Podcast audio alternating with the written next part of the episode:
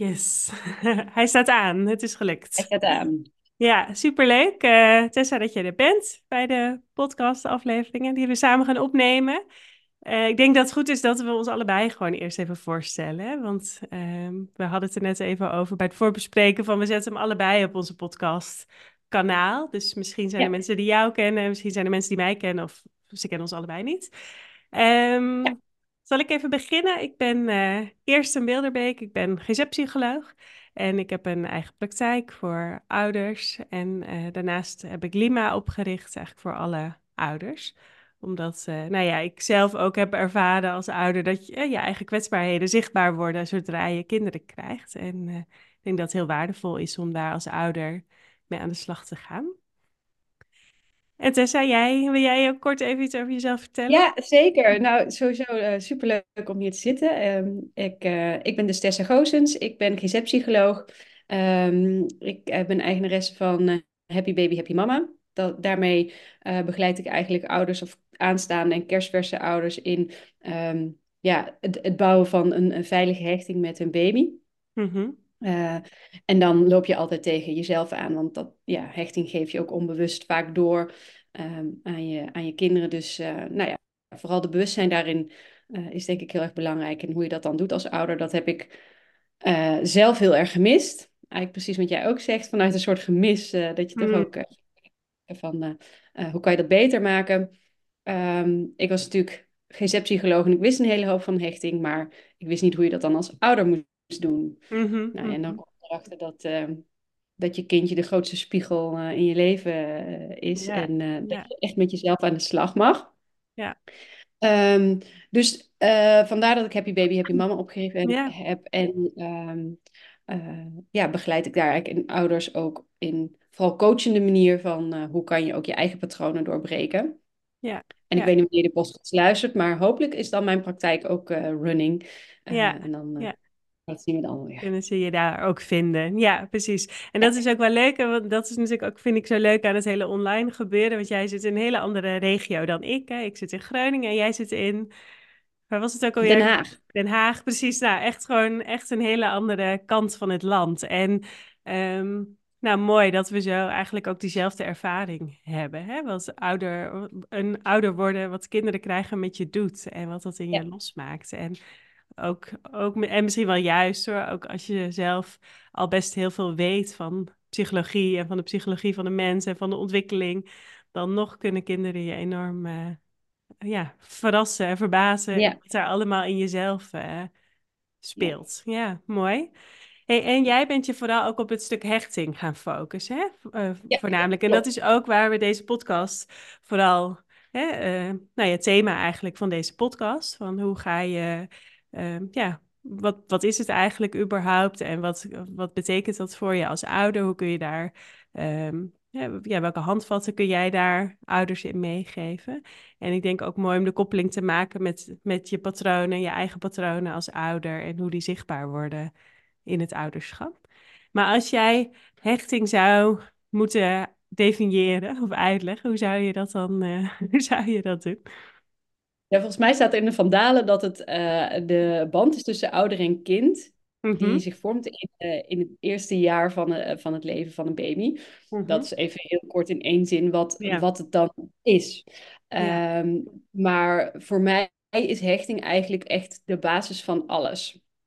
Dus Mm-hmm, um, je moet het eigenlijk zo zien, op het moment dat een kindje ter wereld komt, dan, dan is die nog open, vrij, speels. Dan is niks aan de hand, zeg maar, met een Ja, baby. ja.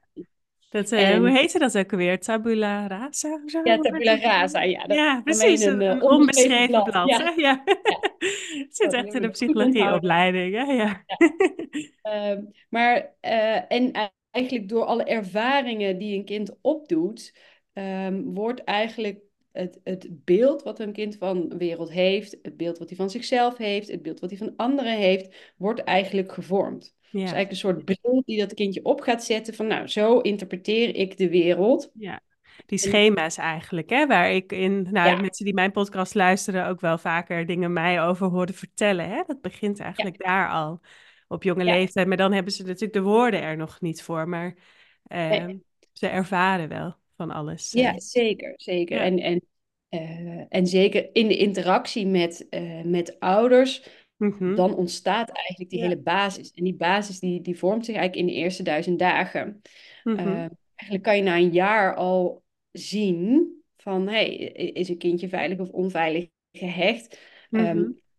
ik ga nooit me uitspreken over eh, waar je dan op moet letten of wat dan ook, want dat is voor ieder kindje natuurlijk anders. En er zijn heel veel Ja. factoren in het le- latere leven die natuurlijk ook nog invloed hebben. Ja.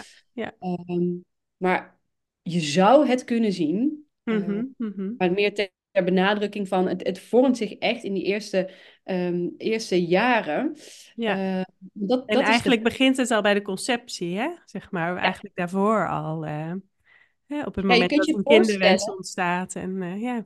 Ja. en je kan je voorstellen, op het moment is misschien een cru voorbeeld, maar als een baby verwekt wordt vanuit eh, een liefde en, eh, en, en romantiek en Mhm. gewenstheid, zeg maar, dat daar hele andere stofjes bij vrijkomen dan dat dat wanneer dat is als, als dat eh, vanuit een verkrachting eh, Mhm. bijvoorbeeld. Eh, er zijn andere stofjes Ja. spelen. En dat de is, stress die de moeder ervaart, natuurlijk. eh, ja. ja. Ja. En het accepteren van, van, van, van de baby of van, eh, van het kindje op latere leeftijd. Dus dat is een heel proces eigenlijk al van hechting, van hechting van de moeder aan het kindje. Dat Ja. allemaal al met neurotransmitters en met stofjes in je lijf ehm, ja, een basis vormt. Mhm. Mhm. Ja. En dat is denk ik sowieso, hè, ik denk ehm, Tessa Rozenboom eh, heeft natuurlijk heel veel gedaan als het gaat om hè, de eh, bekendmaking, of bekend, hoe zeg je dat? Eh, hè, de- dat meer mensen weten van het belang van die eerste duizend dagen, hè, die jij nu ook zo eh, noemt. Hè? En dan begint het eigenlijk vanaf de conceptie, hè, tot het tweede Ja. jaar is dat, hè, de, de eerste Ja, ja. en dat is, dat is altijd een beetje discutabel, want in, in Amerika ja, gaat het eigenlijk meer echt over infancy. En infancy is de eerste drie jaar. Ehm, ja, dus ja.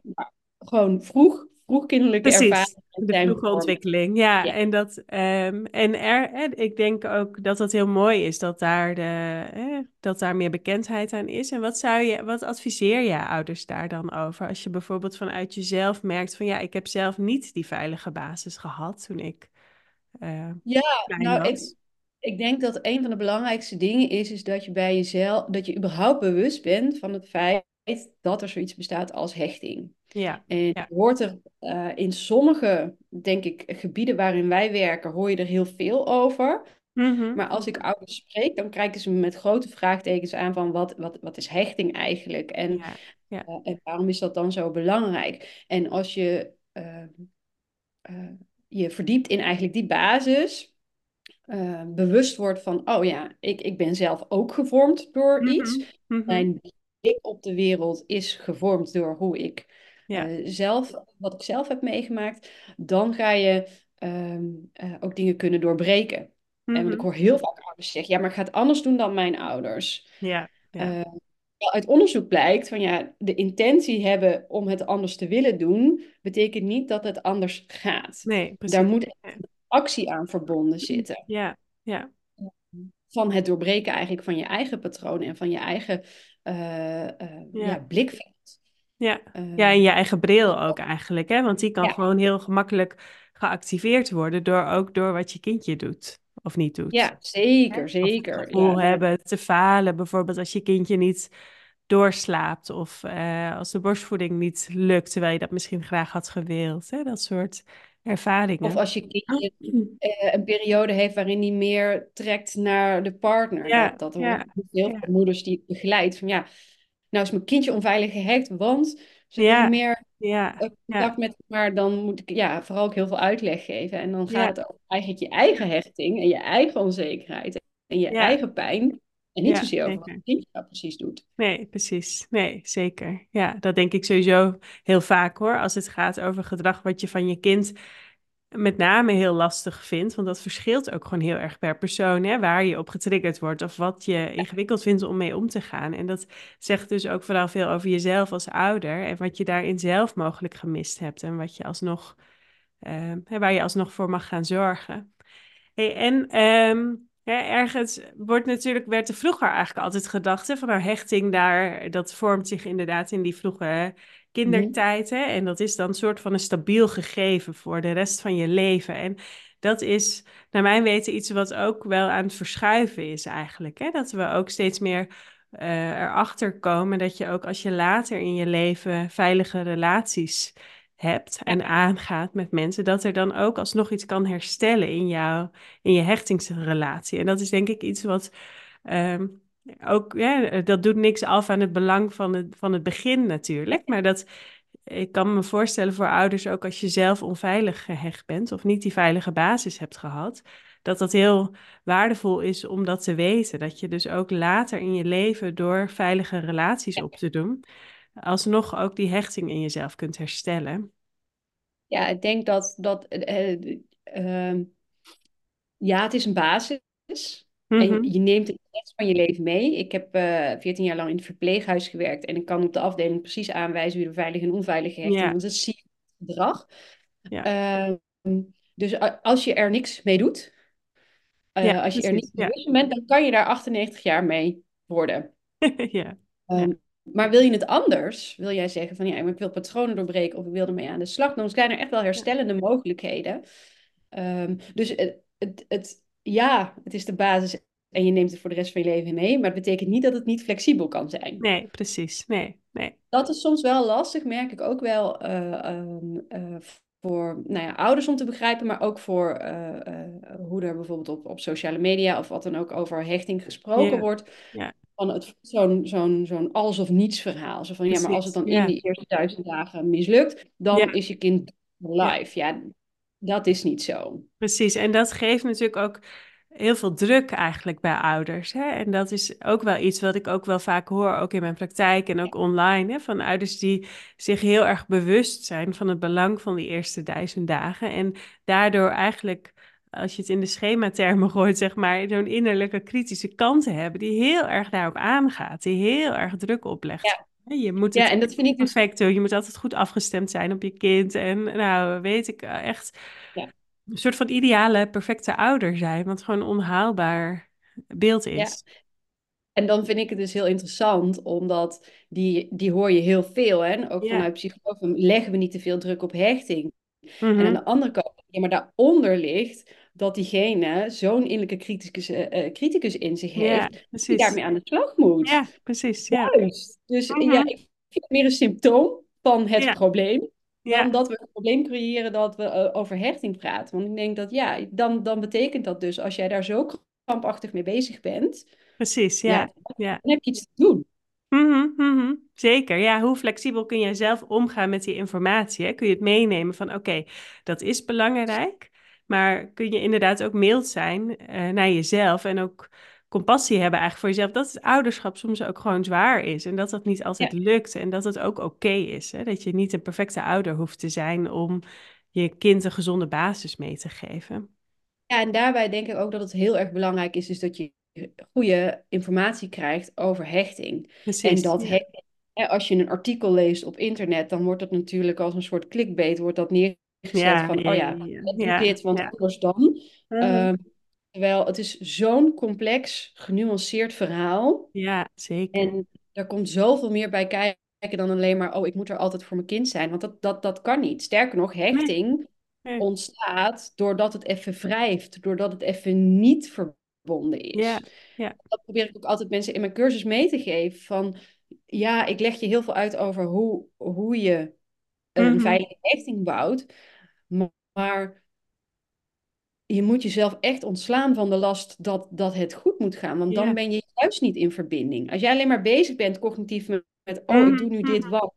En het moet goed gaan, dan ben je helemaal geen contact aan het maken met je Nee, kindje. Dus dan precies. Nee. En ook niet met jezelf eigenlijk, hè? Dan ben je nee, niet verbonden met jezelf. En dat nee, is ook nodig om verbinding met je kind te maken. Ja, ja. zeker. zeker. En dat is Ja, ook, ehm, dat zit, hè, dat, dat als het over hechting gaat, dan heb je natuurlijk het ook al heel snel over die cirkel hè, van veiligheid en eh, vertrouwen, hè, waarin je ja, inderdaad het aan de ene kant heel erg gaat over die veilige basis eigenlijk voor je kind zijn, maar ook je kind het vertrouwen geven om zelf hè, dingen te mogen ontdekken en fouten te mogen maken, maar altijd weer terug te kunnen keren naar jou als ouder, als veilige basis. Dat is ja. natuurlijk waar hechting ook heel erg over gaat. Ehm, ja, Heel erg. Ja. En je ja, hebt die veilige basis nodig. En het, eh, om vanuit daar vertrouwen hebben. Van hé, hey, ik durf een ja. stapje de wereld in te Ja. zetten. Ik durf een Ja. stapje meer autonomie te pakken. Dus aan de ene kant hebben we volgens mij in Mhm. Nederland dat we een hele erge focus hebben op, hè, eh, of in ieder geval een aantal mensen, van oh, we moeten, we moeten goed, eh, goed en veilig Ja. hechten. Ja. Ik natuurlijk ook, want dat is, heel- ik vind het heel erg belangrijk. Ja. Maar ik denk dat de westerse maatschappij heel erg doorgeschoten is van we moeten autonomie hebben. Hè? Eh, we moeten ja. Ja. moeten het allemaal zelf Moet het kunnen. zelf kunnen. Ja, precies. Ja. We zijn Ja. eigenlijk als, als, als, als, eh, als maatschappij eh, vermijdend gehecht geraakt. Dat we gewoon alleen maar bezig zijn met we moeten het allemaal zelf kunnen. Terwijl dat nooit de bedoeling geweest van het ouderschap. Nee, precies. Nee, dat is juist de zijn. Ja, ja, precies. Dat, Ja, je moet het met elkaar doen en je moet hulp durven vragen. En uiteindelijk zie je dat veel mensen die wij denk ik in therapie tegenkomen, eh, daar moeite mee hebben. Zeker, Met- ja. En uitgeblust raken daardoor op het ouderschap. Hè? Want alles maar zelf willen doen en het allemaal ook nog perfect en goed, zo goed, hè, goed willen doen, altijd maar. Ja, dat is gewoon onhaalbaar en gaat ten koste van jezelf. Ja. Ja, Ja. En dat is ook wel waar, denk ik, heel mooi de, ehm, ja, hoe zeg je dat, soort van de verbinding of de overlap komt tussen wat jij in je praktijk en je cursus doet en wat ik online doe, zeg maar, en in mijn praktijk. Hè, waarin het ehm, uiteindelijk ook weer draait over die emotionele basisbehoeften, hè, die natuurlijk beginnen bij hechting en veiligheid en verbondenheid, maar vervolgens ook gaan over autonomie en over ehm, Ja. realistische grenzen en over jezelf mogen uiten, maar ook plezier mogen hebben. Hè? Dat, ehm, waar die schema's dan vervolgens uit ontstaan. En ehm, Ja. Ik denk dat, dat juist als je als ouder daar, dat dat er ook zo voor zorgt, omdat je die behoefte bij je kind ziet eigenlijk en daarin probeert te voorzien, dat dat ook iets raakt in jezelf. Van ja, wat, hoe heb ik daar, dat zelf eigenlijk meegekregen als kind toen ik klein was? En wat, eh, wat eigenlijk ook ten grondslag ligt aan die patronen om moeite te hebben, bijvoorbeeld om om hulp te vragen of zo kritisch te kunnen zijn op jezelf. En Ja. ehm, ja, ja, mooi. Ja. Hey, Ja. ehm, ik zat even te denken, ik heb ook nog vragen binnengekregen trouwens. Ik weet niet of jij ook nog vragen had binnengekregen. Nee. Ehm, alleen, ik dacht, heb ik die er wel eh, zo bij? Ja, oh ja, er was één vraag wat ging over ehm, dat zij, eh, eh, deze moeder die gaf eigenlijk aan van, nou, ik zie wel dat mijn kind veilig gehecht is, maar ik heb zelf eigenlijk nog steeds het gevoel dat die verbinding kwijt te zijn. En haar dochtertje is geboren met, of ik neem aan een dochter, dat staat er eigenlijk helemaal niet bij. Haar kind, zoon of dochter, weet ik niet, is geboren na een keizersnede. En ehm, is nu 20 maanden, dus dat is bijna twee eh, inmiddels. En nou ja, ze heeft dus het gevoel zelf eigenlijk vooral het, het kind kwijt te zijn. Zo omschrijft ze het. Ja. Komt dit vaker voor, is haar vraag. Ja, ik denk, ik, ik spreek heel veel ouders ehm, die eh, bijvoorbeeld het gouden uurtje hebben gemist of Ja. die eh En dat is de eerste uur na de bevalling, even voor de Ja, mensen. Ja, ja. ehm, ehm, die eigenlijk het gevoel hebben dat ze daarin iets in de hechting hebben gemist. In leg ik ook uit, weet je, het gouden uurtje is heel erg belangrijk. Zeker voor de borstvoeding, voor de hechting, voor alle stofjes die op gang komen, voor de Ja. baby, maar zeker ook voor de moeder. Want je spreekt, Mhm. je, gewoon best wel vaak ouders die zeggen, ja, en ik heb dat gemist en nu Ja, voel ik die verbinding niet. En ergens is dus een knik in de kabel eigenlijk gekomen. ja, eh, door dat soort kleine dingen eigenlijk. Ehm, eh, ja, waardoor ik bijvoorbeeld zeven jaar later nog mensen spreek die zeggen van ja, ik heb daar gewoon, ik heb daar spijt van. Ik heb het gevoel dat ik daarmee iets, iets belangrijks heb gemist. Ja. Ehm, misschien niet eens zozeer voor de baby. Die baby, Mhm. die krabbelt wel weer op, weet je wel. Die, die heeft Nee. heel veel herstelmomentjes. Maar eh, als ouder heb je misschien wat minder eh, herstelmomentjes. En zeker als je denkt van ja, ik, ik, ik voel daardoor iets niet. Maar daar kan je wel iets mee doen. Precies, en ik denk ook, wat er bij mij ook een beetje oproept, is ehm, dat het ook kan zijn dat er voor jezelf eigenlijk als het ware iets tussen staat. Hè? Tussen die verbinding tussen jou en je kind. Hè? En dat kan ook die kritische kant zijn, waar we het net al eh, even op, eh, eh, over hadden, Ja. die misschien wel oordelend is over dat de bevalling een keizersnede is eh, geworden in plaats van een vaginale bevalling. Hè? Dat, dat daar Dat een soort van als ouder. Ja. Precies, dat daar een soort kritische stem tussen zit. Of dat er een soort van coping zit van, oh, als het ook gaat over, nou, ik, ik moet het perfect doen. En ehm, dat is een soort van beschermer eigenlijk van jezelf. Terwijl verbinding gaat ook heel erg natuurlijk over kwetsbaarheid. En vanuit je kwetsbaarheid kunnen verbinden ook met je kind. En ehm, als daar zo'n kritische kant of zo'n beschermer tussen staat, blokkeert dat eigenlijk ook. En ehm, zo, zo lees ik het ook, zeg maar, hè, dat inderdaad nou ja, daar, mo dat, daar mogelijk ook een uitnodiging in zit voor jezelf. Om eens te onderzoeken van, hé, hey, wat maakt nou, wat zit hier nou tussen wat ik ervaar? Hè? Uh, hoe kijk ik terug op die bevalling? En hoe, hoe kijk ik oh, terug op het eerste jaar met mijn kind? En uh, welke patronen spelen daar mogelijk in mee? Ja, zeker. En, en, en vanuit hechtingsopbouw, zeg maar, zijn er een aantal kritische momenten waar we het net al even over hadden gehad. Ja. Conceptie, dat, dat heeft invloed. Mm -hmm. En zo heeft dat uh, de bevalling en het, uh, het gouden uurtje uh, zijn ook van die kritische knooppunten. Ja. Waarin vaak iets net even minder goed afgestemd raakt. En ehm, het belangrijkste daarin is denk ik dat hè, als het dus op zo'n knelpunt even niet lekker loopt, mm -hmm. dat je eigenlijk met elkaar zorgt dat je niet, ja, een podcast, ja. maar als je... Ja, precies. Ja, ik praat ook altijd met mijn handen, ja. dat je niet uit elkaar groeit, maar dat je ja. op een gegeven moment ook weer zegt... Oké, maar dit was dat knooppunt en nu komen we ook weer bij elkaar. En ja. dat doe je door het juist ook woorden te geven. Ook naar de baby toe, maar ook naar de moeder toe van... Um, Oké, dit is gebeurd en ik had het graag anders gewild, maar vanaf nu... Hè, dat je eigenlijk een soort van ritueel moment maakt van en nu gaan we dit afsluiten en ben ik er weer voor je. Ja. Dat is heel helpend. Ja, zeker. Ik geef mensen, uh, moeders met name, maar uh, voor vaders kan dat natuurlijk net zo goed gelden, ook wel vaak uh, mee om, om een brief te gaan schrijven aan je kind. En dan ja. eigenlijk vanaf het punt ook al dat je de kinderwens hebt gehad. En hè, vanuit jezelf, van hé, hoe heb je dat ervaren? Hoe was het voor je? En ook die, hè, als het gaat om, om hè, de zwangerschap en de, de, bevalling en het eerste jaar met je kind, van hé, hoe heb je dat zelf eigenlijk ervaren? En um, dat is denk ik heel mooi ook voor jezelf om um, ja.